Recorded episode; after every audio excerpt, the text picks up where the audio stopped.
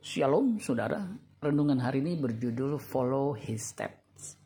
1 Petrus 2 ayat 21 sampai 23. Sebab untuk itulah kamu dipanggil karena Kristus pun telah menderita untuk kamu dan telah meninggalkan teladan bagimu supaya kamu mengikuti jejaknya.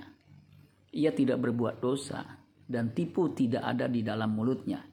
Ketika ia dicaci maki, ia tidak membalas dengan mencaci maki Ketika ia menderita, ia tidak mengancam, tetapi ia menyerahkannya kepada Dia yang menghakimi dengan adil. Terjemahan bahasa Inggris mengatakan begini, King James. For to this you were called, because Christ also suffered for you, leaving you an example that you should follow his steps. He committed he committed no sin, nor was any deceit found in his mouth. Saat dunia digital begitu marak dan maju pesat, ada saja orang yang kena dampak negatifnya.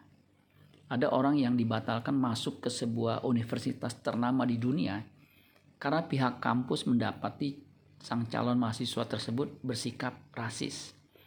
Hal ini terbukti dari jejak digitalnya.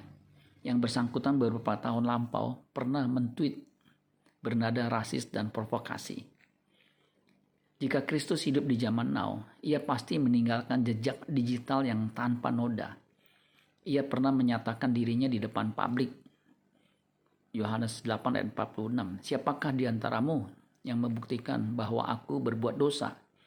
Apabila aku mengatakan kebenaran, mengapakah kamu tidak percaya kepadaku?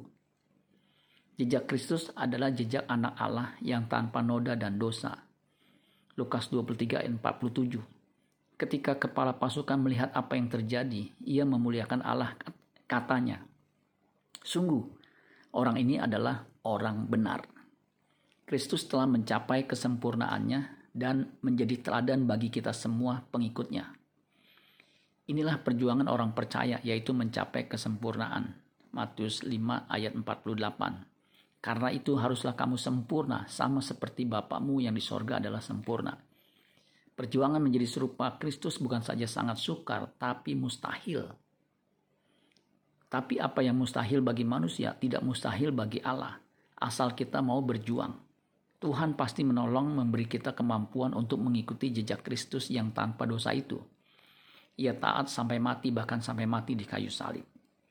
Mari kita belajar mengendalikan jari-jari kita karena jarimu adalah harimaumu. Yakobus 3 ayat 2. Sebab kita semua bersalah dalam banyak hal. Barang siapa tidak bersalah dalam perkataannya, ia adalah orang sempurna yang dapat juga mengendalikan seluruh tubuhnya. Think first before you post. Amin buat firman Tuhan. Tuhan Yesus memberkati. Sola Gracia.